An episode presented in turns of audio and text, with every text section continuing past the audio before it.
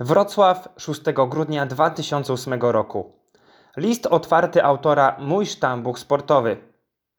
Szanowny panie prezesie, drodzy koledzy i fani Iławskiego Klubu Sportowego Jeziorak. Szanowne panie, szanowni panowie.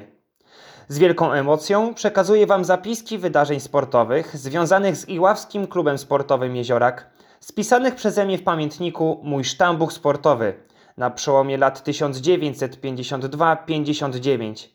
Mam świadomość, że zapis powyższy odbiega od doskonałości z braku wielu wydarzeń i faktów oraz pomija wiele osób uczestniczących w tworzeniu pięknej karty życia sportowego naszego klubu. Stanowi jedynie fakty i wydarzenia, które dotyczą wyłącznie mojej osoby. Nigdy nie przypuszczałem, że w przyszłości moje notatki mogą być jedynym źródłem informacji, które uzupełnią kronikę klubową z okresu lat 50. XX wieku i stanowić będą własność publiczną. Proszę Was oraz fanów klubu o spojrzenie na mój sztambuch sportowy ze zrozumieniem, bowiem stanowi on moje własne odczucia młodego sportowca i entuzjasty pełnego energii i oddania na rzecz klubu, w którym się wychowałem i dążyłem do jego popularności i splendoru na terenie kraju, Warmii i Mazur oraz miasta Iławy. Jest on nieco subiektywny.